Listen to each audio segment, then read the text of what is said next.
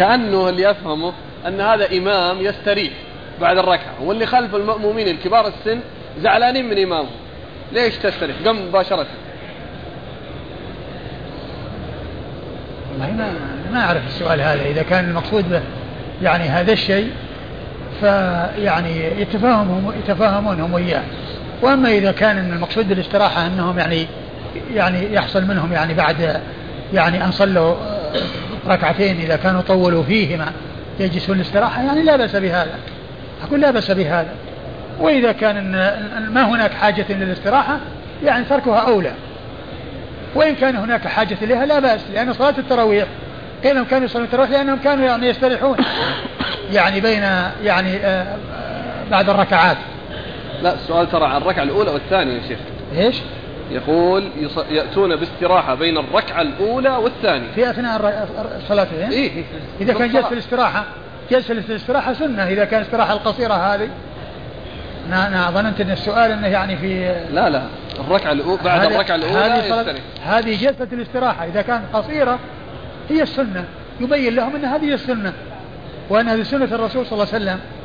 يعني جاءت من حديث آه، أبي حميد ومن حديث مالك بن الحويرث أنه كان يعني يجلس بعدما يقوم من الوتر يعني من الأولى ومن الثالثة.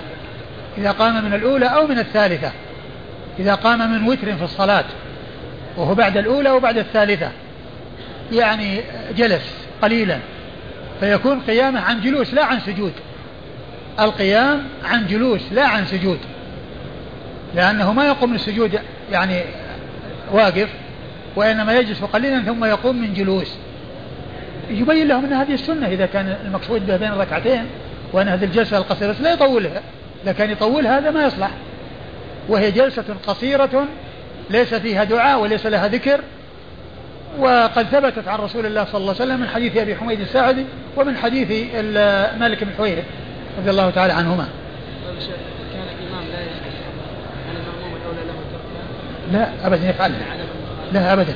ما ي... لأن كون الإنسان يجلس الاستراحة ما في مخالفة للإمام لأنها قصيرة هي جدا ما ما يترتب عليها مخالفة. فالإنسان يأتي بجلسة الاستراحة سواء فعلها الإمام ولا ما فعلها. التكبير يسبقها أو بعدها؟ ها؟ التكبير يسبقها أو بعدها. والله الذي يبدو أن التكبير يعني بعدها. يعني بعد ما يقوم يعني آه، يكبر. هل ثبت ما ينص على صحة من يرمي الجمار ليلة اليوم الثاني من أيام التشريق؟ اليوم الثاني عشر لأجل التعجل؟ وهل هذا يجزئ عن الرمي لليوم الثاني؟ أعد السؤال. يرمي في ليلة الثاني عشر. ليلة الثاني عشر؟ أي ليلة اليوم الثاني عشر. اليوم الثاني عشر. إيش المقصود بالثاني عشر؟ الليلة اللي قبله ولا اللي بعده؟ يعني ليلة اليوم الثاني عشر للتعجل. هكذا كتب التعجل إيه؟ التعجل هو بعد ال هو بعد ال بعد الزوال من اليوم الثاني عشر. أي ليلة يعني؟ ليلة بعده أو الليلة التي قبله؟ إن كان المقصود الليلة التي قبله فالرمي قبل الزوال لا يجوز. الرمي قبل الزوال لا يجوز لا في الليل ولا في النهار. كونه يرمي عن يوم 12 قبل الزوال في النهار أو في الليلة التي قبل لا يجوز. وأما بعد الزوال فهو وقت الرمي. وإذا رمى بعد الغروب من ليلة 13 تعين عليه أنه يبقى عليه أنه يبقى ويبيت ويرمي الجمار بعد الزوال من اليوم الثالث عشر. جزاكم الله خيرا. بسم الله الرحمن الرحيم. الحمد لله رب العالمين. الصلاة والسلام على عبد الله ورسوله نبينا محمد وعلى آله وصحبه أجمعين. أما بعد قال الإمام أبو داود السجستاني رحمه الله تعالى باب في الرجل يصلي في قميص واحد. قال حدثنا القعنبي قال حدثنا عبد العزيز يعني بن محمد عن موسى بن إبراهيم عن سلام بن الأكوع رضي الله عنه أنه قال قلت يا رسول الله إني رجل أصيد أفأصلي في القميص الواحد؟ قال نعم وازرره ولو بشوكة. بسم الله الرحمن الرحيم. الحمد لله رب العالمين وصلى الله وسلم وبارك على عبده ورسوله نبينا محمد وعلى آله وأصحابه أجمعين. أما بعد يقول أبو داود السجستاني رحمه الله تعالى باب الرجل يصلي في قميص واحد. يعني ليس معه شيء آخر. يعني كأن يكون معه إزار أو سراويل يعني يضاف إليه. ولا شك أن القميص إذا كان معه سراويل أو معه إزار فإنه فيه الكمال وفيه كمال التستر. ولكن إذا لم يكن معه شيء فإنه يكفي الذي هو القميص. وقد أورد أبو داود رحمه الله تعالى حديث سلمة بن الأكوع أنه سأل رسول الله صلى الله عليه وسلم وقال إني رجل أصيد فأفأصلي في الثوب الواحد؟ قال نعم وازروره ولو في شوكة. والمقصود من قوله وازروره ولو في شوكة يعني أنه إذا كان جيبه واسعا فإنه يزروره, يزروره حتى لا تبدو عورته يعني من جهة جيبه. يعني بحيث يعني لو يعني آه ركع أو يعني آه خفض رأسه وجيبه واسع فإن عورته ترى من جهة جيبه. ولكنه إذا زره بشيء ولو كان بشوكة فإن ذلك يكون به ستر العورة وعدم عدم الاطلاع عليها من جهة الجيب. هذا هو المقصود من قوله وازروره ولو بشوكة لأنه يكون بذلك آه، ستر العورة من جهة الجيب. فلا ترى من جهة الجيب. يعني فيما إذا خفض الإنسان رأسه أو ركع أو كان راكعا فإنه إذا كان جيبه واسعا ترى عورته من جهة جيبه. ترى عورته من جهة جيبه. فهذا هو المقصود. ومعنى ومعنى هذا أن الصلاة بالثوب القميص الواحد أنها سائغة وأنه لا بأس بها. ولكن إذا كان معه أي مع القميص يعني شيء يزيده في الستر كالإزار والسراويل فلا شك أن هذا هو الأكمل وهذا هو الأفضل. وإذا لم يكن إلا قميص واحد والجيب ضيق ويعني ولا تبدو العورة منه فلا إشكال. وإن كان واسعا وقد تبدو منه العورة فإنه يزر ولو بشوكة كما جاء في هذا الحديث عن رسول الله صلى الله عليه وسلم. والإسناد قال حدثنا القعنبي. قال أبو داود حدثنا القعنبي وعبد الله بن مسلمة بن قعنب ثقة أخرج له أصحاب الكتب الستة إلا ابن ماجه. عن عبد العزيز عن عبد يعني- العزيز يعني بن محمد وهو الدراوردي وهو صدوق أخرج حديثه أصحاب الكتب الستة.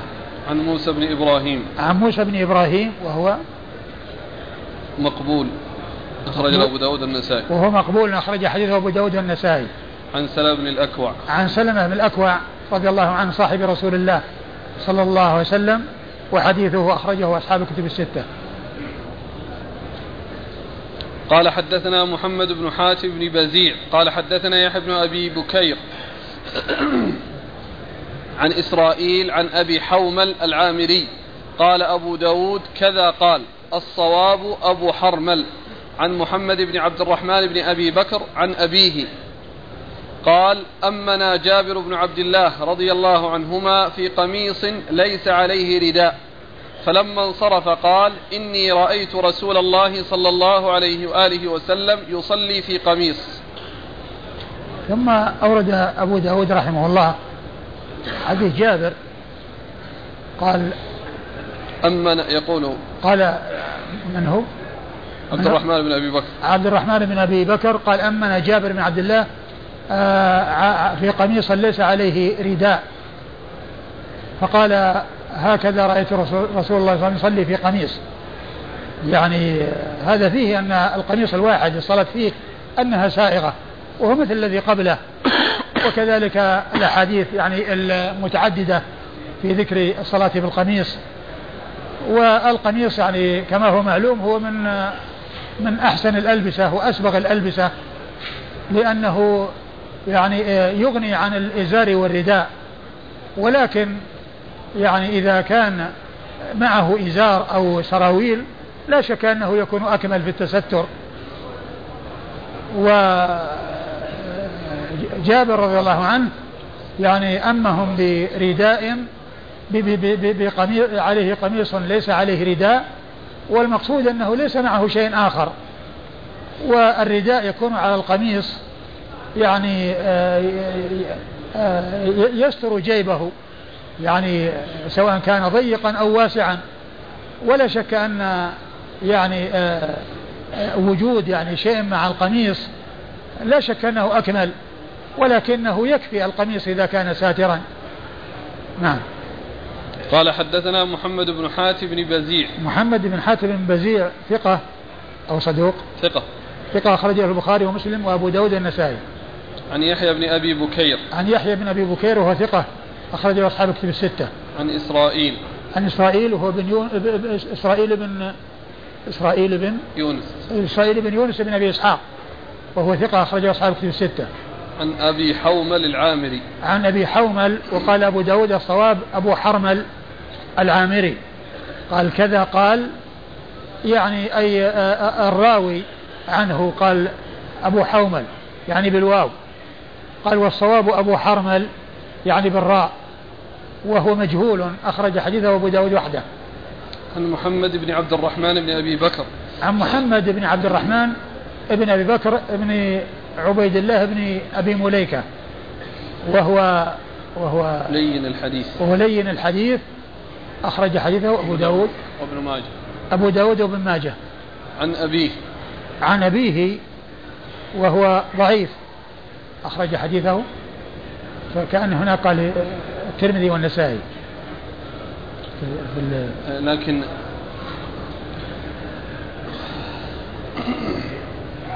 في ترجمة خصها أيوة. قال عبد الرحمن بن أبي بكر عن جابر مجهول. عن جابر. وليس بالمليك. أيوة. هكذا. أيوة. في, في ترجمة خصها أيوة. قال عبد الرحمن بن أبي بكر عن جابر نعم. مجهول. وليس بالمليك. بس الإسناد هذا يعني يعني محمد بن عبد الرحمن ابن أبي بكر. محمد بن عبد الرحمن ابن أبي بكر. أي نعم. أي نعم. فيعني ذاك اللي هو الابن هو ابن أبي بكر المليكي هو في ترجمة قال عبد الرحمن بن أبي بكر بن عبيد الله بن أبي مليكة التيمي. أي نعم. ضعيف. وفي واحد ثاني الثوري. في غيره يعني ترجمة ثانية. محمد بن عبد الرحمن بن أبي بكر. لا إحنا نتكلم في الأب عبد الرحمن. أيوه. الآن عن أبيه نعم. محمد بن عبد الرحمن عن أبيه أي نعم. فهو الآن وضع ترجمتين. أيه. الأولى عبد الرحمن بن أبي بكر بن عبيد الله بن أبي مليك التيمي. أي نعم. قال عنه ضعيف أخرج له الترمذي وابن ماجه. أي نعم. ثم قال بعده عبد الرحمن بن أبي بكر عن جابر مجهول. أيوة. من الرابعة وليس بالمليكي ورمز له بدال. إذا محمد بن عبد الرحمن ما يكون المليكي ما دام انه عن أبيه. يعني محمد بن عبد الرحمن في ترجمتين. اي اي أيوه. الترجمة الأولى اللي ما فيها دال فيها تاء قاف. فيها تاء قاف نعم. واللي بعدها هي التي فيها الدال. دال وإيش؟ قاف؟ لا دال فقط. دال فقط. أي. أيوة. وحكم عليه أنه مجهول. أيه. وش قال عنه؟ هو عبد الرحمن بن أبي بكر. لا أنا أبغي محمد. محمد؟ إيه محمد ما فيه. محمد بن عبد الرحمن هناك نسبه محمد بن عبد الرحمن بن عبيد الله. ابن أبي مليكه إيه إيه وواحد ثاني معه.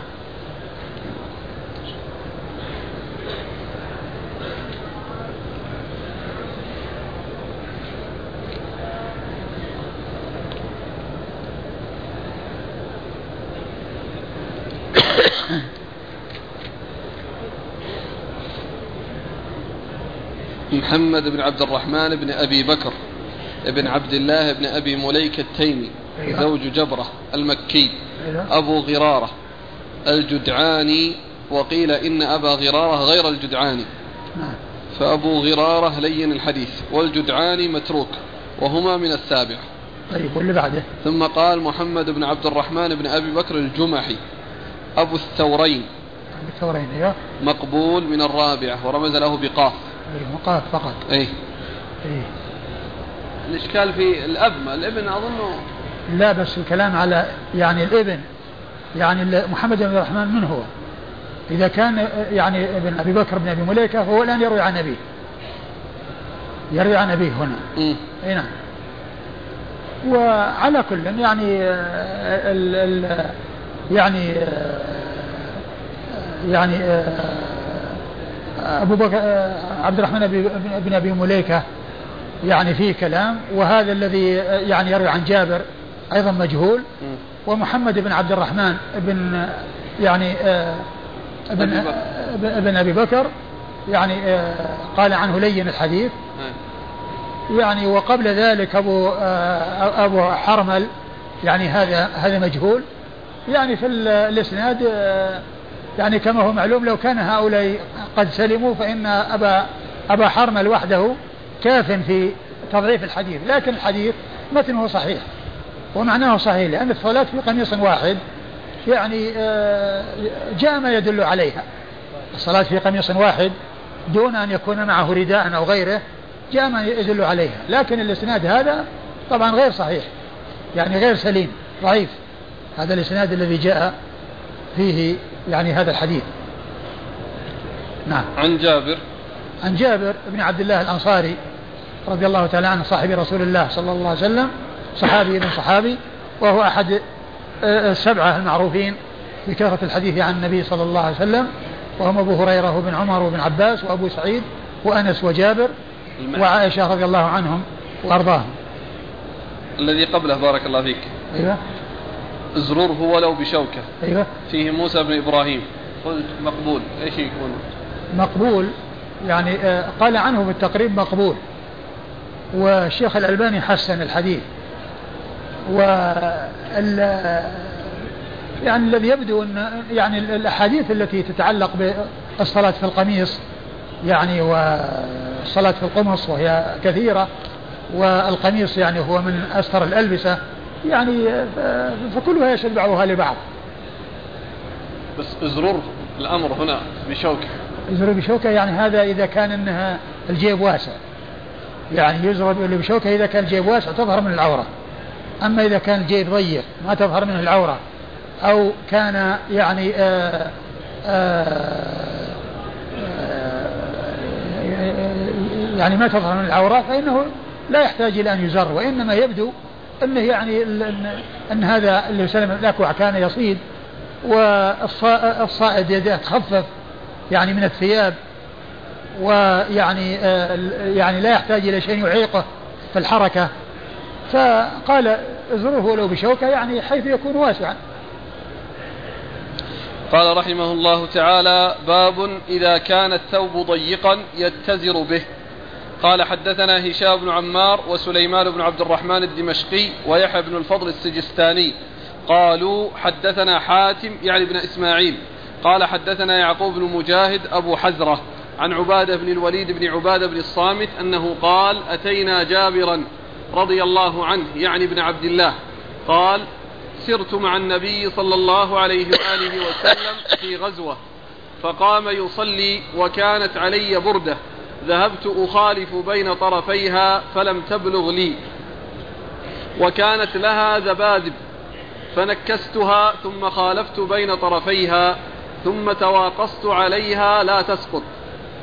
ثم جئت حتى قمت عن يسار رسول الله صلى الله عليه وآله وسلم فأخذ بيدي, فأخذ بيدي فأدارني حتى أقامني عن يمينه. فجاء ابن صخر حتى قام عن يساره. فأخذنا بيديه فأخذنا بيديه جميعا حتى أقامنا خلفه. قال وجعل رسول الله صلى الله عليه وآله وسلم يرمقني وأنا لا أشعر ثم فطنت به فأشار إلي أن أن أتزر بها. أن يستهزر بها. أن اتزر بها. فلما فرغ رسول الله صلى الله عليه وآله وسلم قال يا جابر قال قلت لبيك يا رسول الله. قال إذا كان واسعا فخالف بين طرفيه وإذا كان ضيقا فاشدده على حقوك على حقوك. ثم أورد أبو داود رحمه الله باب إذا كان الثوب ضيقا. إذا كان الثوب ضيقا يتزر به. يعني أنه إذا كان ال- الثوب يعني آه، ضيقا قصيرا لا يكفي أن يجعل طرفاه على الكتفين.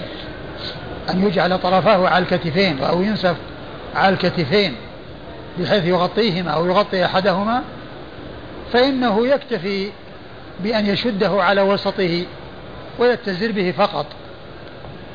ولو انكشف المنكبان يعني حيث لا يقدر إلا على هذا اللباس القصير الذي لا يكفي إلا للاتزار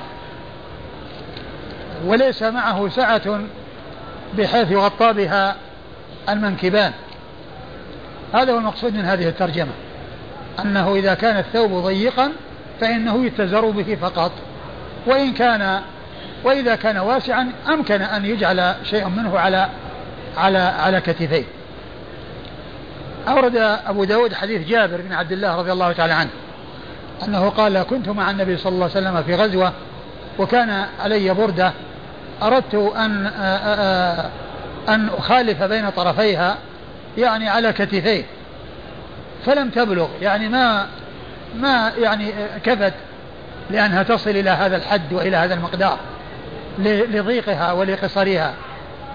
ف وكان لها أهداب ذباذب يعني ذباذب يعني أهداب لأن يعني عند لأنها تتحرك يعني هذه الأهداب فتذبذب يعني بالهواء أو بالحركة فقيل لها ذباذب. فنكسها وجعل الذباذب تكون في الأعلى. ثم يعني خالف بين طرفيها وتواقص يعني لوى عنقه وقرب يعني آه، حتى يعني آه، تصل إلى وراء العنق أو وراء الكتفين. وعمل هذه الهيئة فالرسول صلى الله عليه وسلم رآه. وكان النبي صلى الله عليه وسلم يصلي فجاء وصف عن يساره. فأداره رسول الله صلى الله عليه وسلم عن يمينه. فجاء ابن صخر وهو جبار فصف عن يساره فأخذ بأيديهما و يعني جعل به يعني هما يذهبان وراءه ويكونان صفا. يكونان صفا وراءه لما بلغ اثنين وصار اثنين. فدل هذا على أن المأموم الواحد يكون عن يمين الإمام وأنه إن صف عن يساره فإنه يديره عن يمينه ولا يتركه عن يساره مع خلو يمينه بل يديره إلى اليمين. وإذا كان أكثر من واحد فإنهم يكونان صفا وراء الإمام إما أن يتقدم هو حيث يكون هناك سعة أو يعني يتأخران ويكونان وراءه وفي هذا أن الرسول صلى الله عليه وسلم أخذ به بأيديهما وجعلهما يكونان خلفه إيش قال؟ قال وجعل رسول الله صلى الله عليه وآله وسلم يرمقني وأنا لا أشعر. يعني جعل يرمقني ينظر إلى هذه الهيئة التي فيها كون تواقص وكونه قد انحنى من أجل يعني هذه البردة تصل إلى يعني المنكبين وهو لا يشعر. ففطن له. ففطن له جابر رضي الله عنه. يعني تنبه إلى أنه يعني يرمقه وأنه ينظر إلى هذه الهيئة فأشار إليه أن اتزر به. أشار إليه أن اتزر به. يعني معناه أنه يعني عمل إشارة. يعني بأنه يعني يجعله يزار يعني إشارة, إشارة لأنه يتزر به فقط ولا يتوشح به. ثم إن النبي صلى الله عليه وسلم قال يا جابر قلت يا لبيك يا رسول الله. قال إذا كان الثوب واسعا فخالف بين طرفيه وإذا كان ضيقا فاشدده على حقوك. نعم. إشدده على حقوك. يعني أنه يعني يتزر به ويشده على وسطه الأسفل يعني من السرة وما تحتها. يعني يشده بحيث يغطي السرة لأن العورة من السرة إلى الركبة فيستر ما تحت السرة إلى الركبة وما نزل عن ذلك بحيث لا يصل إلى حد الإسبال الذي هو يتجاوز الذي يتجاوز الكعبين. ومحل الشاهد من الحديث أن النبي صلى الله عليه وسلم قال له إذا كان ضيقا إذا كان واسعا فخلي بين طرفيه وإذا كان ضيقا فاشدده على حقوك يعني اتزر به فقط. اتزر به فقط ولا يحتاج إلى أنك تعمل آه بين طرفيه وتعمل هذه الهيئة الذي هو التواقص. يعني بحيث يعني يعني يتمايل أو يعني يلوي عنقه أو يعني آه يلم بعضه إلى بعض حتى يصل إلى ما فوق الكتفين. أيوة. قال حدثنا هشام بن عمار. هشام بن عمار صدوق أخرج حديثه البخاري وأصحاب السنن وسليمان بن عبد الرحمن الدمشقي. وسليمان بن عبد الرحمن الدمشقي وهو صدوق يخطي. نعم. أخرج حديثه البخاري وأصحاب السنن ويحيى بن الفضل السجستاني. ويحيى بن الفضل السجستاني وهو مقبول أخرج حديثه أبو داود وحده. قالوا حدثنا حاتم يعني ابن إسماعيل. قالوا حدثنا حاتم يعني ابن إسماعيل وهو صدوق يهم أخرج حديثه أصحاب كتب الستة. عن يعقوب بن مجاهد أبو حزرة. عن يعقوب بن مجاهد أبو حزرة وهو صدوق أخرجه البخاري في الأدب المفرد ومسلم وأبو داود. صدوق أخرجه البخاري في الأدب المفرد. في الأدب المفرد ومسلم وأبو داود. عن عبادة بن الوليد بن عبادة بن الصامت. عن عبادة بن الوليد بن عبادة بن الصامت وهو ثقة أخرج حديث أصحاب كتب الستة إلى الترمذي. نعم. أصحاب كتب الستة إلا الترمذي. عن جابر. عن جابر بن عبد الله الأنصاري رضي الله عنهما وقد مر ذكره.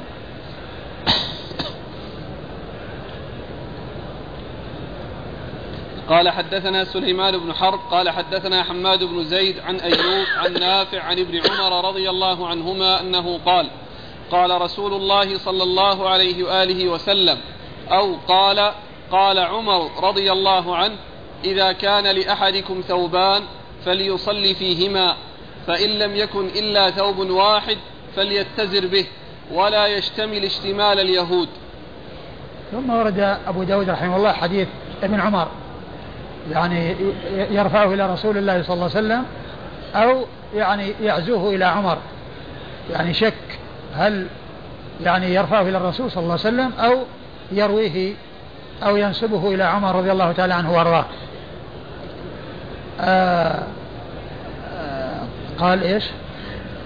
إذا كان لأحدكم ثوبان فليصلي فيهما. إذا كان لأحدكم ثوبان فليصلي فيهما لأن هذا أكمل وأستر والثوبان إزار ورداء أو قميص وسراويل أو قميص ورداء.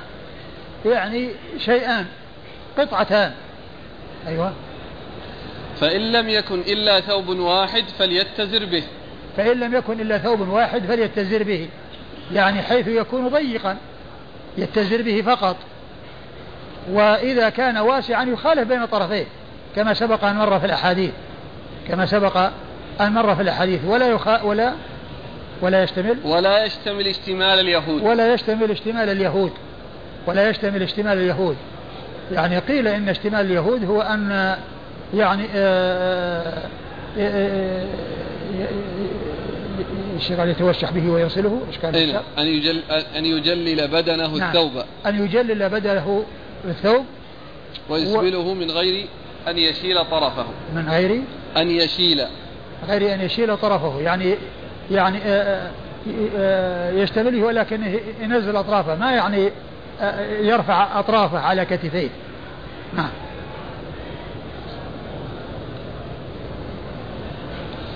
قال حدثنا سليمان بن حرب. سليمان بن حرب ثقة أخرجه أصحاب كتب الستة. عن حماد بن زيد. عن حماد بن زيد بن درهم البصري ثقة أخرجه أصحاب كتب الستة. عن أيوب. عن أيوب بن أبي تميم السختياني ثقة أخرج له أصحاب كتب الستة. عن نافع. عن نافع مولى بن عمر وهو ثقة أخرج له أصحاب كتب الستة. عن عبد الله بن عمر رضي الله تعالى عنهما صحابي صحابي جليل أحد العبادلة الأربعة من الصحابة وأحد السبعة المعروفين بكثرة الحديث عن النبي صلى الله عليه وسلم. أو قال قال عمر. أو قال قال عمر يعني أباه عمر بن الخطاب رضي الله عنه أمير المؤمنين وثاني الخلفاء الراشدين الهاديين المهديين صاحب المناقب الجمة والفضائل الكثيرة وحديثه عند أصحاب كتب الستة. ولا يشتمل اشتمال اليهود الآن يحصل في الإحرام أن الواحد الردى يعني يسبل طرفيه ما يلف على الكتف. فهل هذا منهي عنه؟ لا الرداء يكون على الكتفين. لا لكن الطرفين طرفي الرداء يعني لا يضم أحدهما على الآخر بل يترك الطرفين. يعني مثل مثل الشماغ والغترة. بدل ما على الرأس يحط على الكتفين ويسدلها سدل يعني الذي يبدو أن هذا ما في بأس. وإنما يعني الذي يبدو أن اليهود ما عندهم يعني هم ما يضعونه يعني على الكتفين وإنما يعني يجلل به بدنه ويسبله ما يجعل يعني اطرافه يعني ترجع إلى كتفيه. أنا أقول كذا يعني الإحرام أحيانا الرداء الإنسان ما يلف إما لحر وإما كذا فيخلي الطرفين بس المهم أنه فوق الكتفين. إيه فوق إيه الكتفين. فوق الكتفين. فوق الكتفين. يعني آه، ما في بأس لأن لأن ال ال ال الإسبال يعني ال ال نعم الإسبال هو إذا كان أنه بيترتب عليه سقوط هذا لا يجوز لأنه ينكشف ينكشف الكتفان. وكونه ينسف على كتفيه يعني هذا يعني سبب في عدم السقوط. لأنه لو سقط انكشف الك... ال... ال... ال... وهذا هو السدل المنهي عنه الذي سيأتي الذي سيأتي أن الإنسان يعني عن السدل في الصلاة يعني سدل الثياب هو أن يكون يعني آه، على الكتفين عليهما رداء ويستل بحيث يكون عرضة للسقوط. ولكنه إذا يعني آه، يعني ألقى الطرف على الكتف يعني يكون أمكن وعدم آه، عرضة لأن يكون ساقطا. وهذا الالتحاف الذي ذكر من اليهود لا أدري يعني هل هو مثل هذه الهيئة التي يفعلها المحرم أو أنهم يعني يلتحف به على جسده من تحت من تحت المنكبين ويرسله ولا ينسف أطرافه على الكتفين. قال حتى حاصل أن أن ال ال الهيئة التي هي مثل الإحرام أو الرداء الذي يكون على الكتفين الإنسان يكون عليه إزار ورداء الإنسان لا يسبل الرداء وهو يصلي. بل ينصفه على الكتفين. لأن هذا أمكن في عدم السقوط. لأنه لو سقط انكشف العاتقان. وقد جاء أن الإنسان لا يصلي في الثوب الواحد ليس على عاتقه من شيء. طيب هل في نهي أن مثلا الإنسان المشلح أو الكوت آه لازم أن يدخل يديه في الذراعين في كمي الثوب؟ والله ما يعني قضية اللزوم ما أعلم. أقول ما أعلم أن يكون لازم ولازم ولكن كما هو معلوم الجبة المعروف الجبة يعني آه، لها أكمام والإنسان يدخل أكمامه في يعني أيديه في الأكمام أكمام الجبة والجبة مثل مثل المشلح مثل المشلح يعني توضع على الكتفين ولكن لها أكمام. والمشلح كذلك له أكمام لكن هل يعني يتعين الإنسان يظهر؟ ولا شك أنه إذا أظهر إذا أظهره يعني آه، ما ينشغل به. لأنه إذا كان أنه يعني آه، يعني آه، يديه من الداخل وهم برا يعني ينشغل به من ناحية أن يكون يمسكه أو يرده يعني لا يعني يسقط أو ما إلى ذلك. لكن إذا جعله لكن كونه يتعين ما أدري لا أدري. ولا يعد من مكروهات الصلاة؟ لا أدري. قال حدثنا محمد بن يحيى بن فارس الذهلي قال حدثنا سعيد بن محمد قال حدثنا أبو سميلة يحيى بن واضح قال حدثنا أبو المنيب عبيد الله العتكي عن عبد الله بن بريدة عن أبيه رضي الله عنه أنه قال نهى رسول الله صلى الله عليه وآله وسلم أن يصلى في لحاف لا يتوشح به والآخر أن تصلي في سراويل وليس عليك رداء. ثم أورد أبو داود حديث بريدة بن حصيب رضي الله عنه أن النبي صلى الله عليه وسلم نهى أن يصلى في لحاف لا يتوشح به. واللحاف هو الذي يلتحف به. يعني يلتحف به الإنسان. يعني في في نومه يلتحف به. ومعلوم أن اللحف إذا كانت طاهرة وليس فيها نجاسة فإنها تستعمل. وإذا كانت يعني آه، فيها نجاسة لا يجوز استعمالها. وهذا هو الفرق أو التوفيق بين ما جاء يكون يصلى في اللحف أو لا يصلى في اللحف. يعني المنع حيث يكون فيها نجاسة أو عرضة للنجاسة والإباحة حيث تكون سليمة ولا نجاسة فيها. نهى أن يصلى أن يصلى في لحاف لا يلتحي لا, لا يتوشح به. نعم. لا يتوشح به. يعني معناه أنه يعني يجعل شيء من على كتفيه و وأن تصلي والآخر أن تصلي في سراويل وليس عليك رداء. والثاني أن تصلي في سراويل وليس عليك رداء. يعني معناها أنه يعني ليس على كتفه شيء. لأن السراويل هي تكون على النصف الأسفل. والكتفان لا نصيب لهما مع السراويل. لا نصيب لهما مع السراويل. لأن السراويل ما يأتي شيء يعني يكون على الكتفين. فكون الإنسان يصلي في سراويل فقط وليس على عاتقيه شيء نهى عن ذلك رسول الله صلى الله عليه وسلم. بل يصلي في سراويل وعليه رداء إذا لبس سراويل وعليه رداء حصل المقصود. أو صلى سراويل وعليه قميص حصل المقصود. لكن لا يصلي في سراويل دون أن يكون على كتفه شيء. لأن السراويل مثل الإزار. الإزار الضيق الذي يتزر به الإنسان ويجوز الإنسان يستعمله حيث لا يقدر إلا عليه. وإذا كان الإنسان يعني لا يقدر إلا على السراويل يعني يصلي بالسراويل ولو كان ما عليه شيء. ما دام أنه لا يحصل إلا هذا كالإنسان الذي لا يحصل إلا إزارا ضيقا يتزر به ولا يبقى منه شيء يظهر أو يصل إلى كتفيه. فالحاصل أن السراويل لا يصلى بهما وحدهما مع القدرة على يعني أن يضاف إليهما قميص أو أو رداء. نعم. قال حدثنا محمد بن يحيى بن فارس الذهلي. محمد بن يحيى بن فارس الذهلي ثقة أخرج حديث البخاري وأصحاب السنة. عن سعيد بن محمد. عن سعيد بن محمد وهو صدوق أخرج له البخاري. صدوق أخرج له البخاري في الأدب المفرد؟ لا البخاري ومسلم وأبو داود بن ماجه. البخاري ومسلم وأبو داود بن ماجه.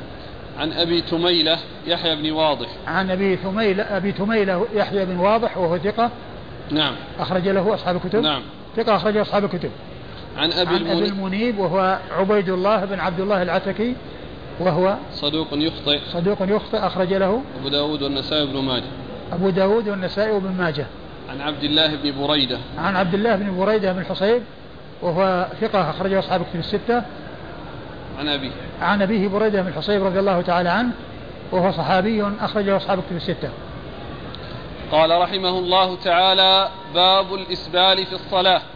قال حدثنا زيد بن أخزم قال حدثنا أبو داود عن أبي عوانة عن عاصم عن أبي عثمان عن ابن مسعود رضي الله عنه أنه قال سمعت رسول الله صلى الله عليه وآله وسلم يقول من أسبل إزاره في صلاته خيلا فليس من الله في حل ولا حرام قال أبو داود روى هذا جماعة عن عاصم موقوفا على ابن مسعود. منهم حماد بن سلمة وحماد بن زيد وأبو الأحوص وأبو معاوية. ثم أورد أبو داود هذه الترجمة وهي الإسبال. باب في الإسبال. نعم الإسبال في الصلاة. باب في الإسبال في الصلاة. والمراد بالإسبال هو يعني نزول الثياب. المراد بالإسبال هو نزول الثياب عن الكعبين. نزولها عن الكعبين هذا هو الإسبال. وهو الذي جاء التحذير منه. و أن من جر ثوبه خيلا لم ينظر الله إليه. وهو حرام مطلقا في الصلاة وفي غير الصلاة.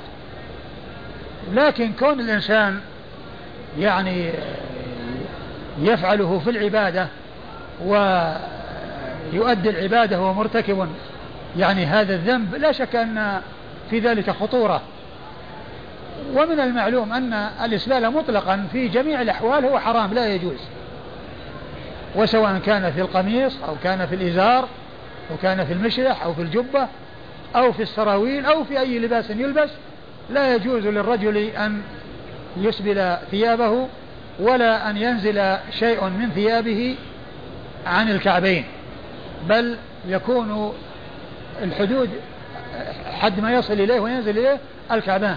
وقد قال عليه الصلاة والسلام ما أسفل من الكعبين فهو في النار. ما أسفل من الكعبين فهو في النار. فهذا يدلنا على تحريم الإسبال وهو محرم في الصلاة وفي غير الصلاة. ولكنه إذا كان في الصلاة يكون الأمر أخطر لأن الإنسان يتلبس في عباده ومع ذلك يعني هو مرتكب المعصية هو واقع في المعصية. في الوقت الذي هو متلبس بالعبادة هو واقع في المعصية ومرتكب المعصية. أورد أبو داود حديث مسعود رضي الله تعالى عنه أنه قال من أسبل إزاره في صلاته خيلاء فليس من الله في حل ولا حرام. من أسبل إزاره في رداء من أسبل إزاره في صلاته خيلاء فليس من الله في حل ولا حرام. آه المقصود من هذا أن من أسبل إزاره في صلاته خيلاء يعني أنه متكبر وأنه متصف بهذا الوصف الخبيث الذي هو التكبر فإنه ليس من من الله في حل ولا حرام. وقوله في حل ولا حرام فسر بعدة تفسيرات. منها يعني آه ليس من الله في حل في أن يحله الجنة ولا أن يحرمه أو يحرمه من النار أو يحرمه من السوء أو يحول بينه وبين السوء أو ما إلى ذلك. فالمقصود من ذلك ذمه وأنه ارتكب أمرا خطيرا وهو أمر خطير في جميع الأحوال لا سيما إذا كان الإنسان في الصلاة لا سيما إذا كان التكبر والوصف بالتكبر والاختيال حتى وهو يصلي فإن ذلك يكون في غاية الفظاعة وفي غاية الخبث. ثم ذكر أبو, أبو داود رحمه الله أنه جاء مرفوعا إلى جاء إلى إلى رسول الله صلى الله عليه وسلم عن ابن مسعود وأن جماعة رووه عنه موقوفا رووه عنه موقوفا.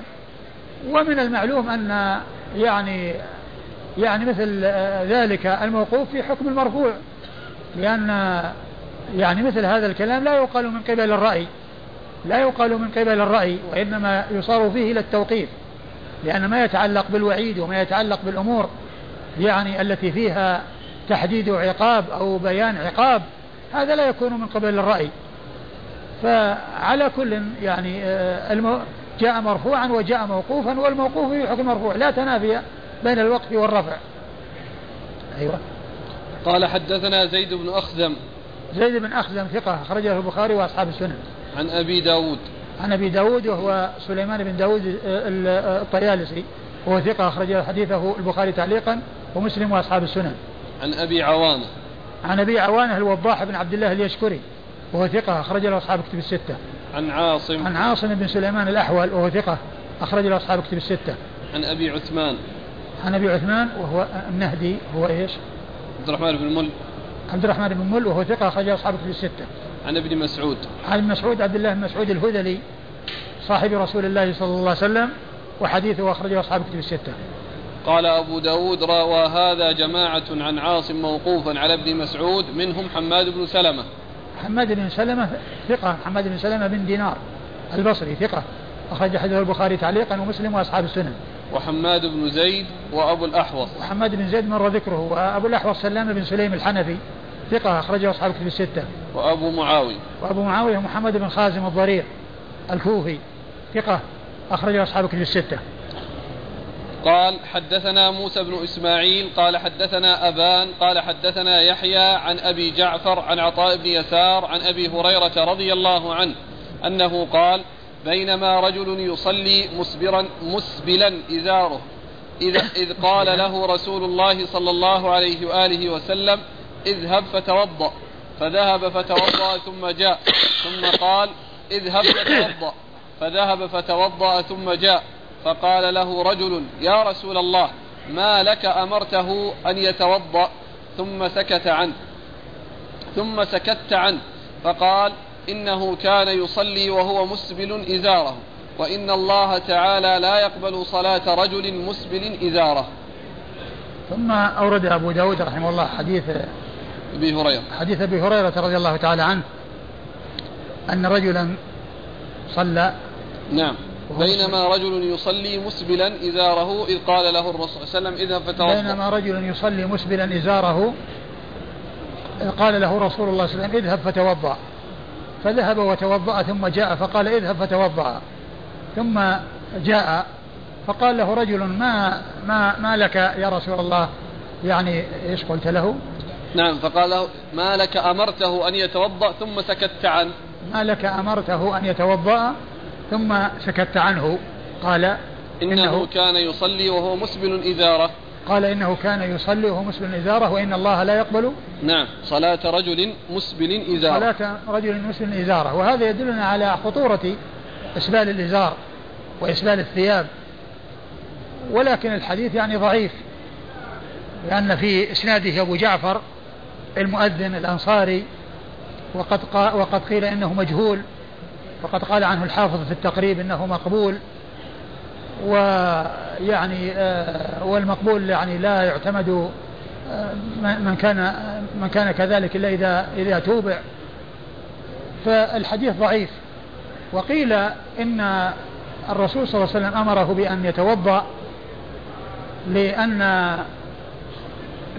قالوا لعله يتفكر قيل لعله يتفكر يعني في حاله ويعني أن يعني طهارته للظاهر تكون سببا لطهارة الباطن وأن يحصل الانتقال من طهارة الظاهر إلى طهارة الباطن وهو السلامة من الخيلاء ومن الكبر لأن الإسبال يعني يكون بسبب الخيلاء وبسبب الكبر. ولكن الحديث يعني كما هو معلوم يعني غير صحيح. وكون إسبال الثياب من الكبائر هذا جاء في الأحاديث عن رسول الله صلى الله عليه وسلم. وجاء يعني ما يدل على ذم الإسبال مطلقا. وقد سبق أن مرت الإشارة إلى ما حصل من أبي من عمر رضي الله عنه في مرض موته. وأنه لما جاءه الشاب الذي أثنى عليه ثم ذهب وإذا ثوبه يمس الأرض قال يا قال ردوا علي الغلام ثم قال ارفع ثوبك فإنه أتقى لربك وأبقى لثوبك. نعم. قال حدثنا موسى بن إسماعيل. موسى بن إسماعيل التبوذكي المنقري وهو ثقة أخرج أصحاب كتب الستة. عن أبان. عن أبان بن يزيد العطار وهو ثقة أخرج أصحاب كتب الستة لابن ماجه. عن يحيى. عن يحيى بن أبي كثير اليمامي وهو ثقة أخرج أصحاب كتب الستة. عن أبي جعفر. عن أبي جعفر وهو المؤذن الأنصاري المدني وهو مقبول أخرج حديثه أبو داود. البخاري في الأدب المفرد البخاري في الأدب المفرد و أصحاب السنن. البخاري وأصحاب السنن؟ مم. البخاري في الأدب المفرد وأصحاب السنن؟ أبو جعفر.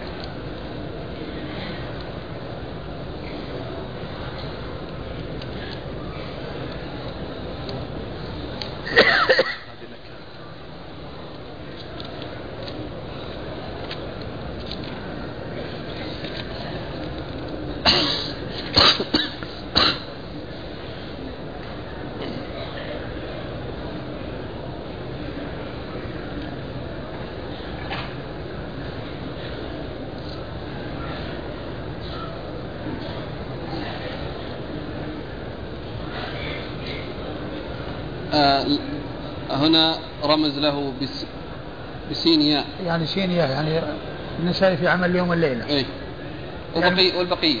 بقية أصحاب السنن. البخاري في المفرد وأبو داود والترمذي والنسائي في عمل اليوم والليلة البخاري, البخاري في المفرد وأبو داود والنسائي في والترمذي والترمذي والنسائي في عمل اليوم والليلة وابن ماجه.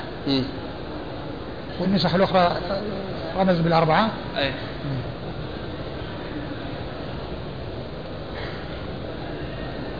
أيوة. عن أبو جعفر البخاري أصحاب السنة في هذه في أيوة. عاد المرشد. أيوة.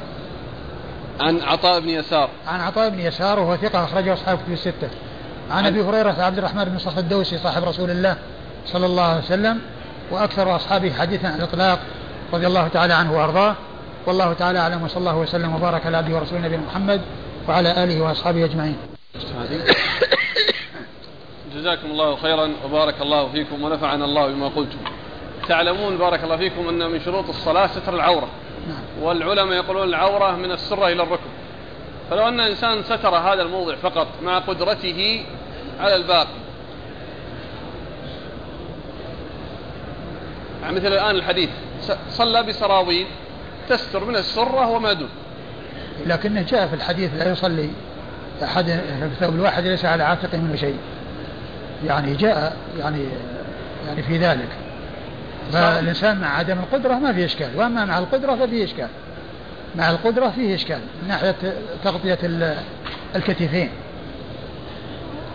لكن أصبح يعني أقول الشرط اللي يذكره الفقهاء كأن في قصور والله. لا ما هو ما في ما, ما في قصور. وإنما هذا يقصدون أن هذا هو ال ال ال ال ال هذا هو الشيء الواجب. يعني هذا هو الشيء الواجب. والإنسان يعني آآ آآ هذا هو الذي لا أقل منه. الذي لا أقل منه. بمعنى أم أزيد منه وأكثر منه هذا شيء مطلوب. لا يا أيها الذين آمنوا خذوا زينتكم عند كل مسجد. حتى عند الحنابلة. نعم. الإمام أنتم ذكرتم الإمام أحمد يرى وجوب نعم. ستر العاتق نعم. إذا عندهم من من الشرط صار. الجمهور يشترطون من السرة إلى الركبة نعم. الإمام أحمد يرى من السرة إلى الركبة وزيادة عليه. وزيادة العاتق نعم. إذا أقول عند الحنابلة لابد زيادة على الشرط هذا. ما يكفي أن يقال من السرة إلى الركبة لا بس الكلام يعني هل هل عندهم تبطل الصلاة لو لو لم يفعل أو أنه يأثم يعني يبقى الأمر يعني هل تبطل الصلاة وأن عليه أن يعيدها لو فعل مع القدرة أو أنه يأثم لا تبطل الصلاة ولكنه يأثم يعني أذكر للشيخ. عبد العزيز أنه يقال يعيد الصلاة. نعم. أذكر أقول فتوى للشيخ عبد العزيز أنه يقول يعيد الصلاة. إيه. فإيش يكون؟ يعني اللي فهمته أنا من من فتواه إنه يرى أنه شرط لأنه أمر السائل بالإعادة. ولا شك من قال إنه يعني يعني يعيد يعني معناه أنه متعين وأنه يعني من شرط صحة الصلاة. وأنه يعني يكون يعني تابع لستر العورة يكون. جزاكم الله خيرا. يقول بارك الله فيك أنا شاب امتن الله علي بالهداية قبل ثلاث سنوات وكنت قبل هذه الثلاث قبل السنوات الثلاثة لا أصلي ولا أصوم فهل يلزمني قضاء الصلاة والصوم؟ لا لا يلزمك. أن تتوب إلى الله توبة نصوحا واندم على ما مضى واحرص في المستقبل على ألا تعود وحافظ على الفرائض وأكثر من النوافل واجتهد في طاعة الله عز وجل والتوبة تجوب ما قبلها. بالنسبة لأبي حازم. أيوة أمس أي. أيوة كيف؟ هذه ثلاث أوراق من الإخوان جزاهم الله خير.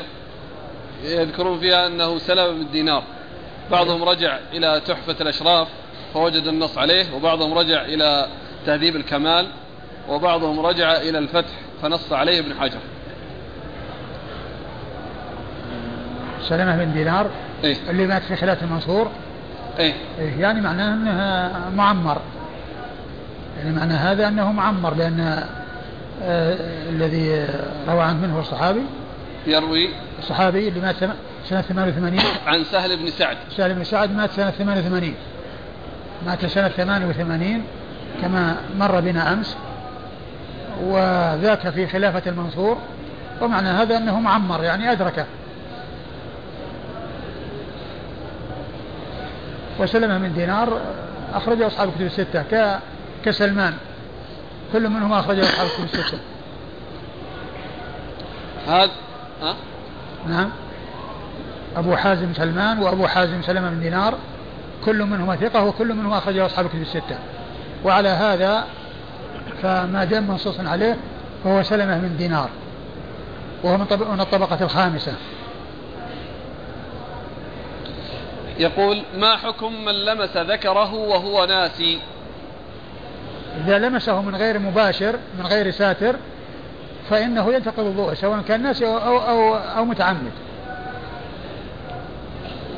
يقول نريد أن نزور مبتدعا لننصحه. هل يجوز لنا أن نقابله أو نصافحه أو ندعوه بلقب الأستاذ؟ أي نعم افعل. ما دام إنك بتنصحه. صافحه وادعه بلقب الأستاذ يقول إذا قام بعض الطلاب السلفيين بهجران لبعض الطلاب ماذا نفعل؟ إيش؟ قام بعض الطلاب. السلفيين به- بهجران لبعض الطلاب ماذا نفعل؟ بهجران لبعض الطلاب؟ هي إيش السؤال هذا؟ كيف يعني؟ سلفي ه- هجر يعني غير سلف طالبا يعني مبتدعة طالبا على بدعة طالبا على إيش؟ يعني آه، آه، هجر بسبب إيش؟ إذا كان بسبب يعني أمر منكر فقبل قبل الهجران ينبغي النصح والحرص على النصح والحرص على التوجيه. والهجران يعني ما يصار إليه إلا إذا ترتب عليه فائدة. إذا ترتب عليه فائدة. أما إذا لم يترتب عليه فائدة وجوده مثل عدم. نعم. شخص ذبح هديه في آخر أيام التشريق في اليوم الثالث عشر بعد صلاة العشاء. هل هديه هذا صحيح؟ والله على كل هو قضاء وليس بأداء. يعني كان الواجب عليه أن يقضيه في وقت الأداء. وما دام أنه فعل فإنه يصح ولكنه قضاء وليس بأداء. يقول وإذا لم يكن صحيحا هل هذا يعني أن حجه باطل أو ناقص؟ لا لا لا. أقول لا يكون باطلا. ولكنه يعني قصر في عدم الإتيان به في الوقت المشروع. وما دام أنه قد فعل فإنه يصح قضاء. يقول الحاج صلينا الفجر في جامع آخر في المدينة غير المسجد النبوي ونحن حجاج فهل يحسب لنا أجر أربعين صلاة في المسجد النبوي؟ يعني هل أصلاً تحتسب أصلاً, لنا أصلا الصلاة الأربعين ليست بلازمة. لا يلزم الإنسان أن يصلي أربعين في المسجد النبوي. الحديث الذي ورد في هذا ضعيف. ولكن صلاتك في المسجد النبوي الصلاة الواحدة بألف صلاة. فإذا صليت أي صلاة في المسجد النبوي فهو بألف صلاة. وكونك صليت في مسجد آخر وما تمكنت من الصلاة في المسجد النبوي ليس عليك شيء. وما كنت تظنه من أن فيه أربعين ليس هناك شيء يدل على ثبوت الأربعين. وجدت سبحة نسيها صاحبها في المسجد عدة أيام فأخذتها بأنها ليست من السنة ولم أخبره فهل فعلي صحيح؟ ولم تخبره؟ أنت تعرفه؟ هكذا. لم تخبره؟ يعني كأنك تعرفه.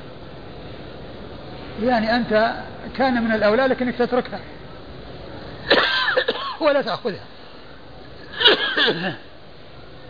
وإذا كنت يعني تعرفه وأنك يعني معناها أنك أخذتها ولم تخبره يعني معناها كأنك كأنك أخذتها منه.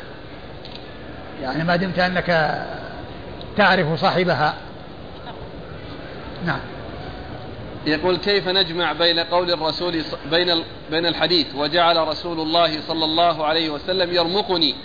وبين الاختلاس الذي يختلسه الشيطان من المصلي عندما ينظر عن يمينه ويساره. هذا ما يفيد ما, ما في ما في دلالة على أنه كان في الصلاة. ما في دلالة على أنه كان يرمقه وهو في الصلاة. وإنما يعني يكون في غير الصلاة. ما هو معناه أنه يعني أنه حصل في نفس الصلاة؟ هذا يقول ما هو ضابط الحركة في الصلاة؟ وما هي الحركة التي تبطل بها الصلاة؟ الحركة للحاجة لا بأس بها مثل هذا الذي فعله الرسول صلى الله عليه وسلم من كونه يعني أولا أدار يعني جابر من جهة اليسار إلى جهة اليمين ثم الاثنين يعني أرسلهما إلى جهة اليسار. فهذه حركة يعني من أجل الصلاة فلا بأس بها. وليس هناك مقدار معين يقال ان من فعل كذا فإنه تبطل به الصلاة ولكن الشيء الذي يعني يكون فيه حركات يعني وعدم إقبال على الصلاة وحركات كثيرة هذا هو اللي تبطل به الصلاة. يعني طيب. يعني معناه أن الإنسان يعني غير ساكن في الصلاة. وأما تحديد بثلاث مثل ما يقوله بعض الناس يعني ليس هناك تحديد. يقول أشخاص مؤذنهم أذن قبل المغرب بخمسة عشر دقيقة. ولكن الصلاة بعد دخول الوقت. فهل صلاتهم صحيحة؟ حيث أن الإمام أخبرهم بأن يعيدوا صلاتهم. إعادة الصلاة؟ كيف تعاد الصلاة وقد أديت في الوقت؟ إذا كان الأذان يعني حصل خطأ وأنه قدم عن وقته والصلاة أديت في وقتها فكيف تعاد الصلاة؟ كيف تعاد الصلاة وقد أديت في وقتها؟ تعاد لو كانت أديت قبل وقتها. لو كانوا صلوا قبل الغروب نعم يعيدون لأنهم صلوا في غير وقت. وأما كون الأذان أخطئ فيه وأذن قبل الوقت فلا يعني آه، يدل على إعادة الصلاة ما دام أن الصلاة صليت في الوقت. وكان ينبغي أن يعاد الأذان أن يعاد هو الأذان. الأذان هو الذي يعاد عند عند دخول الوقت. لأن يعني لأن إذا كانوا في فلاة الأمر في ذلك سهل. ولكن إذا كانوا في مكان وقد يسمعهم الناس قد يكون الناس في بيوت فيبنون على هذا الأذان فيصلون قبل الوقت فيترتب على ذلك مضرة. فكان المناسب أو المتعين أن يعاد الأذان. ما هو تعاد الصلاة؟ الصلاة ما دام حصلت في الوقت لا, تعاد. شخص دخل المسجد لأنه, لأنه لو وجد الصلاة بدون أذان وبدون إقامة صحت الصلاة ولا تعاد. لو وجدت الصلاة بدون أذان وبدون إقامة صحت الصلاة. شخص دخل المسجد وقد فاتته الجماعة فوجد جماعة أخرى ووجد الإمام يصلي على الجنازة. فهل الأولى أن يدخل مع الجماعة ثم يصلي على الجنازة؟ ما يمدي يصلي.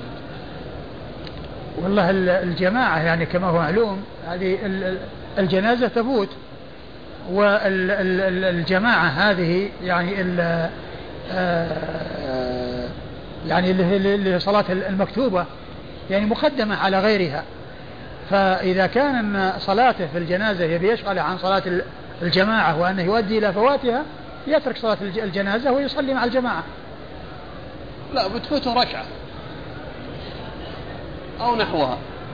والله يعني ما ينبغي الإنسان يتشاغل بصلاة الجنازة التي فرض كفاية ويترك صلاة الجماعة التي هي التي هي واجبة عليه. هل لبس ثوبين من ثيابنا الحالية أفضل من لبس ثوب واحد. يعني كل إنسان يلبس قميصين كل إنسان يلبس قميصين يعني آآ آآ لا بأس به. أو لا بأس بكون يلبس قميصين ولكن يعني كونه يعني يلبس قميص وسراويل أو قميص وإزار أو يعني مع الفانيلة والسراويل يعني يعني أولى من كونه يعني يلبس ثوبين بدون أن يكون عليه إزار وبدون أن يكون عليه سراويل لأن هذا سبب في كشاف العورة ولكن إذا كان عليه ثوب وعليه سراويل يعني انكشاف العورة يعني مأمون أكثر نعم السؤال بارك الله فيك عن الأفضلية يعني إيش؟ هل يقال أفضل وأولى الجواز جائز لكن لا لا, لا كون أفضل يعني يكون الإنسان يلبس ثوبين أيه؟ يلبس ثوبين أيه؟ وهو الإنسان عليه عليه فنيلة وعليه صراويل أيه؟ الشولة كان بردان. إذا كان في برد يعني يعني يحصل دفء ما في بأس. أما تفضيل يعني لأنه الآن عليه ثياب. ما دام عليه سراويل السراويل ثوب. يعني معناه يصير عليه ثلاثة ثياب. إذا صار أنه عليه سراويل وفنيلة وبعدين يعني آه، ثوبين. يعني يصير عليه ثلاثة ثياب مو ثوبين. تعلمون الآن أن كثير الناس يلبس هذه الثياب ويلبس أحيانا سراويل قصيرة دون الركبة. وربما تشف هذه الثياب عن لون البشرة. فحكم الصلاة؟ إذا كانت الثياب أنها تشف وأنها يعني آه، غير ساترة يعني فلا تصح الصلاة يعني مع ذلك. يعني وإنما عليه أنه يعني يلبس سراويل كافية تغطي ما بين السرة والركبة وإذا لبس عليها شيء شفاف لا يضر. وأما كونه يعني تبدو العورة يعني من وراء هذا الشفاف هذا الشفاف وجوده مثل عدمه لكن إذا لبس يعني سراويل طويلة تغطي ما بين السرة والركبة ثم لبس الشفاف ما في بس كذا الحكم الثوب بدون فنيلة فيشف عن العاتق. والله ما في بس أقول ما في بس حتى لو شف عن العاتق. جزاكم الله خير وبارك الله فيكم ونفعنا الله بما قلتم. بسم الله الرحمن الرحيم. الحمد لله رب العالمين. والصلاة والسلام على عبد الله ورسوله نبينا محمد وعلى آله وصحبه أجمعين. أما بعد قال الإمام أبو داود السجستاني رحمه الله تعالى باب في كم تصلي المرأة. قال حدثنا القعنبي عن مالك عن محمد بن زيد بن قنفذ عن أمه أنها سألت أم سلمة رضي الله عنها ماذا تصلي فيه المرأة من الثياب؟ فقالت تصلي في الخمار والدرع السابغ الذي يغيب ظهور قدميها. بسم الله الرحمن الرحيم. الحمد لله رب العالمين. وصلى الله وسلم وبارك على عبده ورسوله نبينا محمد وعلى آله وأصحابه أجمعين. أما بعد يقول الإمام أبو داود السجستاني رحمه الله تعالى باب في كم تصلي المرأة يعني من الثياب. والمقصود من هذه الترجمة أن المرأة تصلي من الثياب بما يستر جسمها فتغطي رأسها وسائر جسمها حتى قدميها وكفيها. وإنما تكشف وجهها. وهذا هو الذي عليها أن تفعله. وليس هناك مقدار من الثياب أو عدد من الثياب يعني عليها أن يعني تلبسه ولكنها تلبس ما يغطي رأسها يعني من خمار ويعني ودرع يغطي جسدها كله. حتى قدميها. هذا هو مقصود أبي داود رحمه الله أو هذا المراد من هذه الترجمة. وقد أورد أبو داود رحمه الله آه الحديث عن أم سلمة يعني من بعض الطرق موقوف عليها ومن بعضها مرفوعا إلى رسول الله صلى الله عليه وسلم. وأن المرأة تغط آه، آه، آه، تلبس خمارا ودرعا يغطي جسدها حتى ظهور قدميها. وهذا الذي أورده أبو داود في الأول أثر موقوف عليها وهي أن أم محمد بن زيد بن قنفذ سألت أم سلمة رضي الله تعالى عنها عن ما تصلي به المرأة فقالت تصلي في خمار ودرع يغيب ظهور قدميها يعني يغطي ظهور قدميها. وهذا هو المطلوب من المرأة. لكن لو صلت وقد بدا قدماها أو كفاها لا يقال أن عليها الإعادة لأنه لم يثبت. حديث عن رسول الله صلى الله عليه وسلم يعني يدل على أن ذلك لازم وأنه متعين ولكن كونها تكون متسترة وآخذة بما هو أحوط لها في دينها وبما هو أسلم لها وأريح لها في نفسها هذا هو الذي عليها أن تفعله. لكن لو صلت وقد بدا يعني قدماها أو كفاها فإن صلاتها صحيحة لأنه لم يثبت في تغطية ذلك شيء عن رسول الله صلى الله عليه وسلم. نعم. قال حدثنا القعنبي. القعنبي عبد الله بن مسلمة بن قعنب ثقة أخرج له أصحاب كتب الستة إلا ابن ماجه. عن مالك. عن مالك بن أنس إمام دار الهجرة الإمام الفقيه المحدث المشهور أحد أصحاب المذاهب الأربعة المشهورة في مذاهب أهل السنة وحديث أخرجه أصحاب الكتب الستة. عن محمد بن زيد بن قنفذ. عن محمد بن زيد بن المهاجر بن قنفذ وهو ثقة أخرج له مسلم وأصحاب السنن عن أمه وهي مستورة أخرج حديثها أبو داود وحده. عن أم سلمة. عن أم سلمة أم المؤمنين هند بنت أبي أمية وهي آه، أم المؤمنين رضي الله عنها وأرضاها وحديثها أخرجه أصحاب الكتب الستة. قال حدثنا مجاهد بن موسى قال حدثنا عثمان بن عمر قال حدثنا عبد الرحمن بن عبد الله يعني بن دينار عن محمد بن زيد بهذا الحديث قال عن أم سلمة رضي الله عنها أنها سألت النبي صلى الله عليه وآله وسلم أتصلي المرأة في درع وخمار ليس عليها إزار؟ قال إذا كان الدرع سابغا يغطي ظهور قدميها. ثم أورد أبو داود الحديث من طريق أخرى وهو مرفوع عن من أم يعني من أم سلمة إلى رسول الله صلى الله عليه وسلم لأن الأول موقوف على أم سلمة وهو من كلامها. وأما هذا فهو مرفوع إلى رسول الله صلى الله عليه وسلم.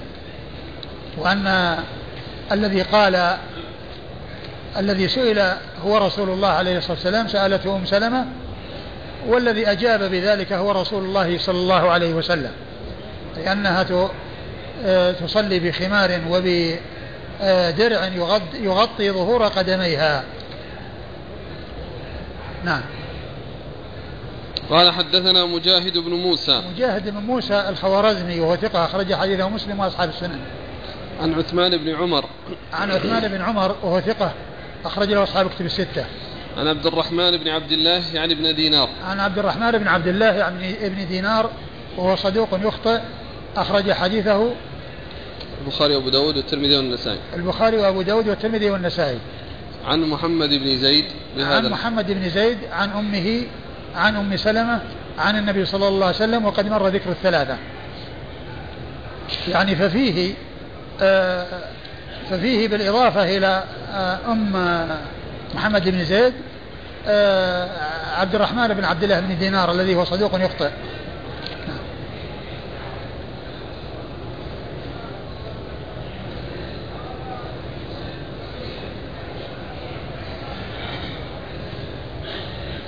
قال أبو داود روى هذا الحديث مالك بن أنس وبكر بن مضر وحفص بن عغياث وإسماعيل بن جعفر وابن أبي ذئب وابن إسحاق عن محمد بن زيد عن أمه عن أم سلمة رضي الله عنها لم يذكر أحد منهم النبي صلى الله عليه وآله وسلم قصروا به على أم سلمة رضي الله عنها. ثم ذكر أبو داود رحمه الله أن الطريقة التي تقدمت يعني فيها رفعه إلى رسول الله صلى الله عليه وسلم من الذي يروي عن محمد بن زيد؟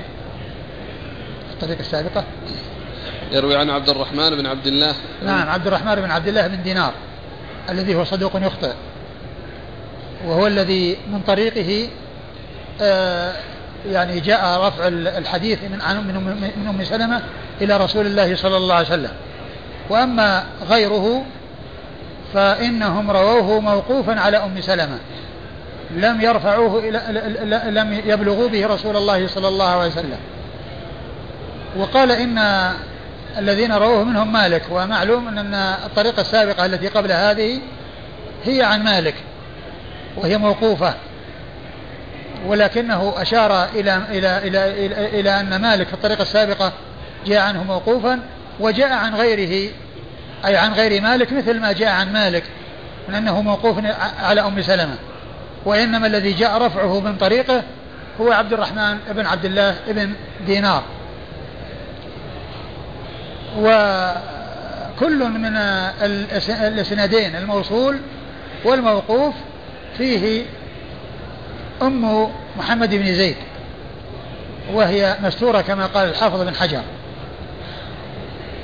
مالك و رواه مالك و... وإيش؟ وبكر بن مضر. وبكر بن مضر وهو ثقة أخرج حديثه أصحاب الكتب الستة إلا ابن ماجه. وحفص بن غياث. وحفص بن غياث ثقة أخرجه أصحاب الكتب الستة. وإسماعيل بن جعفر. وإسماعيل بن جعفر ثقة أخرجه أصحاب الكتب الستة. وابن أبي ذئب. وابن أبي ذئب هو محمد بن عبد الرحمن بن المغيرة بن أبي ذئب. ثقة أخرج له أصحاب الكتب الستة. وابن إسحاق. وابن إسحاق هو محمد بن إسحاق المدني وهو صدوق أخرج حديثه البخاري تعليقا ومسلم وأصحاب السنن. وم... آه، طيب. نعم. قال عن محمد بن زيد عن أمه. عن محمد بن زيد عن أمه عن أم سلمة آه قصروه يعني لم يذكر أحد منهم النبي. لم يذكر أحد منهم النبي يعني معناه أنهم وقفوا عليها ثم قال قصروه على أم سلمة. نعم.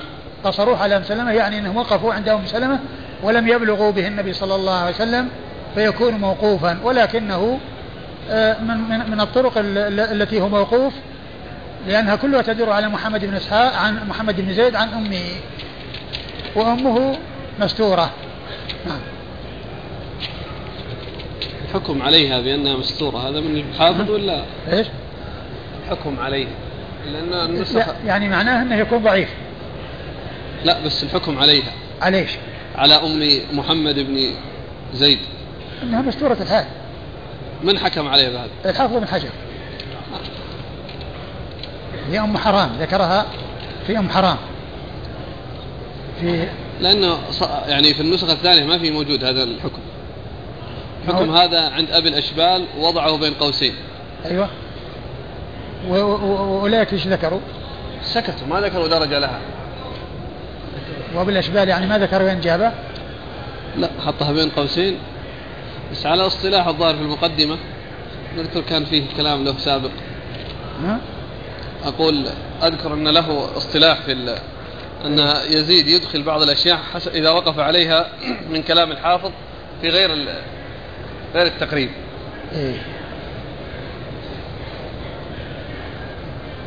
وهو الشيخ الألباني في التعليق على المشكات قال أنه يعني لا يثبت من حيث الإسناد لا من الطريق المرفوعة ولا من الطرق الموقوفة كلها يعني غير ثابتة من حيث الإسناد. يعني ولعل السبب هو هذه التي هي تلك المرأة.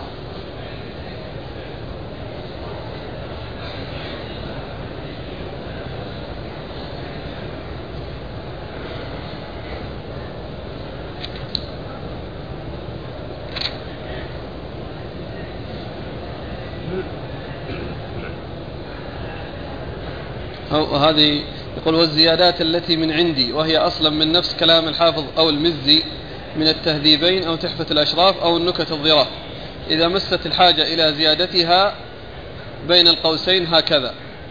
وأحيانا أبين مصدرها في التعليق وتركت أكثرها لأن مصدرها التهذيبان. لأنه وتركت أكثر أكثرها لأن مصدرها التهذيبان. أيوة. يعني منها مأخوذ من تهذيب الكمال أو تهذيب التهذيب.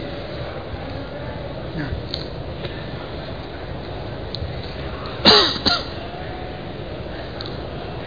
قال رحمه الله تعالى باب المرأة تصلي بغير خمار.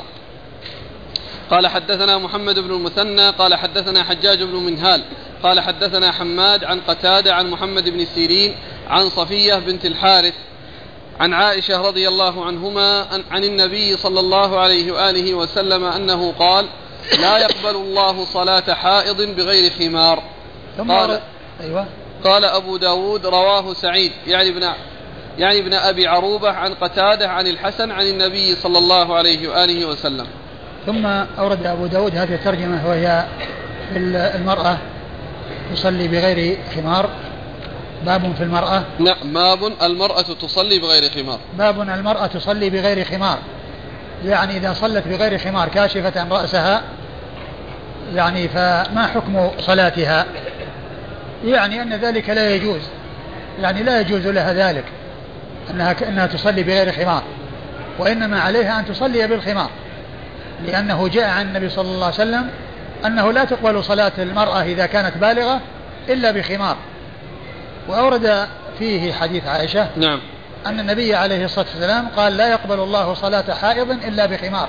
والمقصود بالحائض يعني البالغ التي بلغت سن المحيض أو سن الحيض.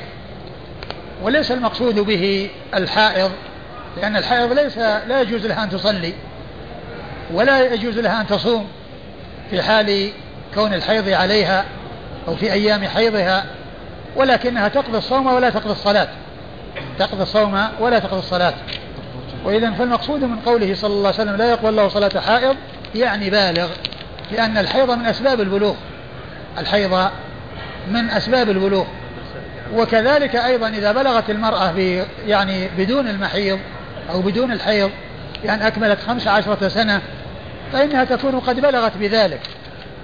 وصارت مكلفة. ولكن ذكر الحيض لأن المرأة إذا حصل منها في أي سن وفي أي وقت ولو كان في وقت مبكر قبل اتمام الخامسة عشرة فإنها تكون مكلفة وتكون بذلك قد بلغت وصارت من أهل التكليف وأنه يجب عليها أن تغطي رأسها وأن لا تصلي إلا وهي قد لبست الخمار على رأسها. والخمار هو ما يغطى به الرأس وكذلك ما يغطى به الوجه لأن هنا التخمير هو التغطية. التخمير هو التغطية وقيل له خمار لأنه يغطى به. لا يقبل الله صلاة حائض إلا بخمار يعني بالغ لا يقبل الله صلاة بالغ إلا بخمار. ويعني معناها لا تصح صلاتها إلا إذا كان إذا كانت غطت رأسها بخمار. أيوة. قال حدثنا محمد بن المثنى. محمد بن المثنى هو العنزي أبو موسى الملقب الزمن وهو ثقة أخرج له أصحاب الكتب الستة بل هو شيخ لأصحاب الكتب الستة رووا عنه مباشرة وبدون واسطة. وكانت وفاته سنة 52 و200 قبل وفاة البخاري بأربع سنوات وهو من صغار شيوخ البخاري. ويشاركه أو يوافقه في سنة الوفاة و كون وكون كونه أيضا من شيوخ البخاري الصغار محمد بن بشار ويعقوب بن إبراهيم الدورقي. فإن هؤلاء الثلاثة ماتوا في سنة واحدة وهي سنة 52 و200 قبل وفاة البخاري بأربع سنوات وهم متفقون في سنة الوفاة وفي كونهم من شيوخ أصحاب الكتب الستة. من شيوخ أصحاب الكتب الستة جميعا. نعم. قال حدثنا حجاج بن منهال. حجاج بن منهال وهو ثقة أخرج له أصحاب الكتب. نعم. أخرج له أصحاب الكتب الستة. عن حماد. عن حماد وهو بن سلمة. نعم. حماد هو بن سلمة. ثقة أخرج له البخاري تعليقا ومسلم وأصحاب السنن. عن قتادة. عن قتادة من دعامة السدوسي البصري وهو ثقة أخرج له أصحاب الكتب الستة. عن محمد بن سيرين. عن محمد بن سيرين المدني محمد بن سيرين البصري وهو ثقة أخرج له أصحاب الكتب الستة. عن صفية بنت الحارث. عن صفية بنت الحارث وهي صحابية وقال ابن حبان هي من ثقات التابعين وحديثها أخرجه أبو داود الترمذي وابن ماجه. أبو داود والترمذي وابن ماجه. والصحابة رضي الله تعالى عنهم وأرضاهم يكفي الواحد منهم شرفا أن ينص على أنه صاحب النبي صلى الله عليه وسلم. ولا يحتاج إلى توثيق الموثقين وتعديل المعدلين. بل يكفي أن يذكر أنه صاحب النبي صلى الله عليه وسلم. ولهذا إذا كان الشخص مختلف في صحبته يعني قالوا صحابي أو هو من ثقة. كما هنا قيل ابن حبان هي من ثقات التابعين يعني ليس صحابيا فينص على يعني كونه ثقة أو غير ثقة. لكن حيث يكون صحابيا يكفي أن يطلق عليه ذلك الوصف العظيم الذي من ظفر به فقد ظفر بالخير الكثير في هذه الحياة الدنيا وهو التشرف برؤية النبي صلى الله عليه وسلم وصحبته والنظر إليه وسماع كلامه وسماع صوته صلى الله عليه وسلم فإن هذا مما اختص به أصحاب رسول الله صلى الله عليه وسلم ورضي الله تعالى عنهم وأرضاهم. فلا يذكرون يعني عن الشخص إذا كان صحابيا كلاما قيل فيه كذا وقيل فيه كذا لا يقال فيه إلا أنه صحابي حيث قيل له صحابي يكفي ولا يضاف إلى ذلك شيء. اللهم إلا إذا كان شيء يتميز به بعض الصحابة على بعض كأن يكون بدريا أو يكون ممن شهد الحديبية فإنهم ينصون على ذلك. فيقولون صحابي من أهل بيعة الرضوان أو صحابي شهد بدرا أو صحابي كذا. وإلا فإنهم يكتفون بكلمة صحابي نعم عن عن عائشة.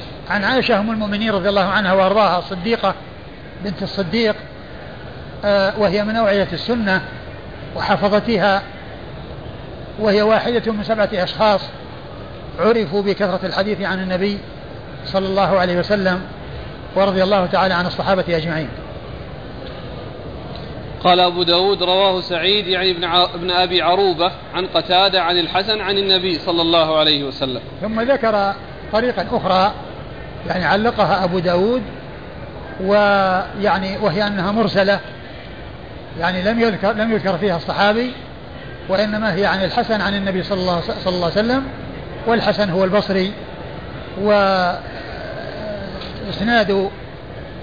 الحديث إلى النبي صلى الله عليه وسلم منه يعتبر مرسلا لأن المرسل عند المحدثين هو الذي يقول فيه التابع قال رسول الله صلى الله عليه وسلم. ولا يعني والتعريف أو تعريفه بأنه هو الذي قال فيه التابع قال رسول الله أحسن من قول من قال من سقط منه الصحابي لأن سقوط الصحابي لا يؤثر. لأنه لو كان ما سقط إلا الصحابي لا يؤثر وإنما الذي يخشى أن يكون سقط مع الصحابي غير الصحابي. أن يكون سقط مع غير الصحابي مع الصحابي غير صحابي. وعند ذلك يكون التأثير.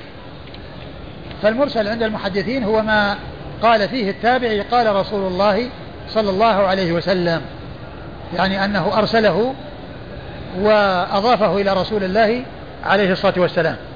وأما في اصطلاح الفقهاء ويأتي كثيرا استعماله عند المحدثين هو رواية الراوي عن من لم يلقه.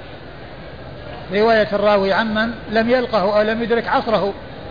فيقال يرسل فلان يرسل. يعني معناها أنه يسند الحديث إلى شخص لم يلقه ولم يدرك عصره. يعني معناه في سقوط. وهذا أعم وأوسع من من من المرسل في اصطلاح المحدثين. لأن المحدثين قاصروه على قول الصحابي قال رسول الله صلى الله عليه وسلم كذا. والإصطلاح الثاني يعني يقولون عنه إن اصطلاح الفقهاء وهو يعني ما يكون فيه رواية الراوي عن من لم يدركه وسواء كان في أعلى الإسناد أو وسطه. لا يقتصر ذلك على آه، السقوط في أعلى الإسناد. نعم. رواه سعيد يعني بن أبي عروبة. سعيد بن أبي عروبة ثقة أخرجه أصحاب كتب الستة. عن قتادة. عن قتادة مر ذكره. عن الحسن. والحسن هو ابن أبي الحسن البصري وهو ثقة فقيه يرسل ويدلس وحديثه أخرجه أصحاب كتب الستة. قال حدثنا محمد بن عبيد قال حدثنا حماد بن زيد عن أيوب عن محمد أن عائشة رضي الله عنها نزلت على صفية أم أم طلحة أم طلحة الطلحات. فرأت بنا بنات لها فقالت إن رسول الله صلى الله عليه وآله وسلم دخل وفي حجرتي جارية فألقى لي حقوة وقال لي شقيه بشقتين فأعطي هذه نصفا والفتاة التي عند أم سلمة نصفا فإني لا أراها إلا قد حاضت أو لا أراهما إلا قد حاضتا. قال أبو داود وكذلك رواه هشام بن سيرين. هشام عن ابن سيرين. وكذلك رواه هشام عن ابن سيرين. ثم أورد أبو داود آه، حديث عائشة رضي الله تعالى عنها وأرضاها أنها دخلت على صفية. صفية إيش؟ أم طلحة الطلحات. أم طلحة الطلحات ورأت عندها بنات وقالت إن النبي صلى الله عليه وسلم دخل وعندي جارية فأعطاني حقوه وقال شقيه. شقيه شقتين. نعم. شقيه بشقتين. شقيه شقتين وأعطي هذه نصفا نصفا وأعطي آه، آه، الفتاة التي الفتاة عند التي عند أم سلمة نصفا فإني لا أراها أو لا أراهما إلا قد حاضتا والجارية قيل هي التي لم تبلغ التي لم تبلغ يقال لها جارية. والمقصود يعني من إيراد الحديث هو أن أن النبي عليه الصلاة والسلام يعني ظن أنهما قد يعني قد بلغتا وأنهما يعني قد قد حاوتا وأعطاهما حقوه وهو الإزار الذي يشد على الحقو وقال اقطعيه بينهما قطعتين وأعطي كل واحدة منهما قطعة حتى يعني تستعمله في صلاتها لأنها المرأة لا تصلي إلا بخمار إذا كانت قد بلغت كما مر في الحديث السابق. كما مر في الحديث السابق لا يقبل الله صلاة حائض إلا بخمار نعم. قال حدثنا محمد بن عبيد. محمد بن عبيد هو الطنافسي. محمد بن عبيد بن حساب الغبري. محمد بن عبيد بن حساب. محمد بن بن عبيد بن حساب؟ ها؟ هكذا. يعني يعني وجدته منصوصا عليه؟ والله ما أدري.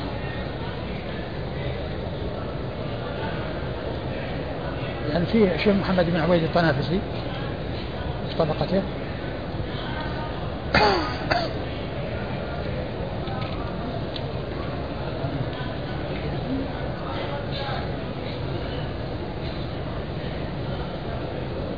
محمد بن أبي هذا محمد بن علي إيش ال...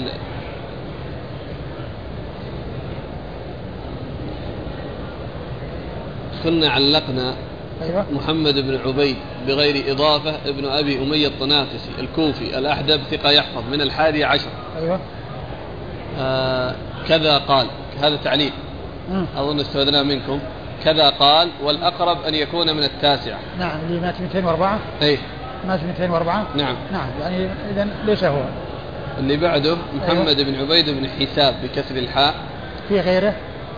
محمد بن عبيد؟ آه أي أيوه. بس هذاك من الخامسة. لا غيره.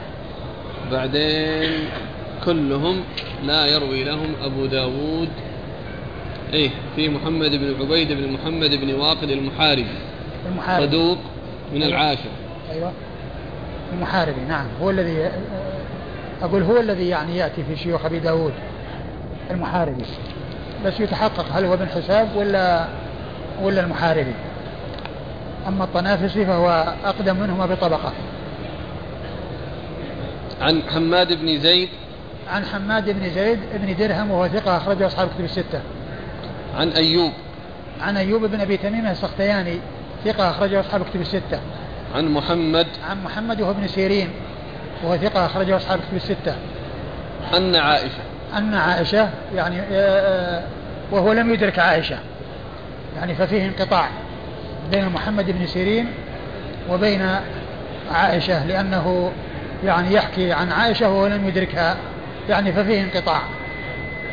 و آه. ولهذا ضع الألباني ذكر هذا يعني في الضعيفة. ولعله من أجل هذا الانقطاع الذي بين محمد بن سيرين وبين عائشة. لكن آه، يعني آه، معناه يعني مطابق للحديث السابق. يعني من جهة أن الحائض أنها يعني تغطي رأسها وتحتاج إلى أنها تغطي رأسها لأن الحديث السابق هو لكن هذا من حيث الإسناد فيه انقطاع.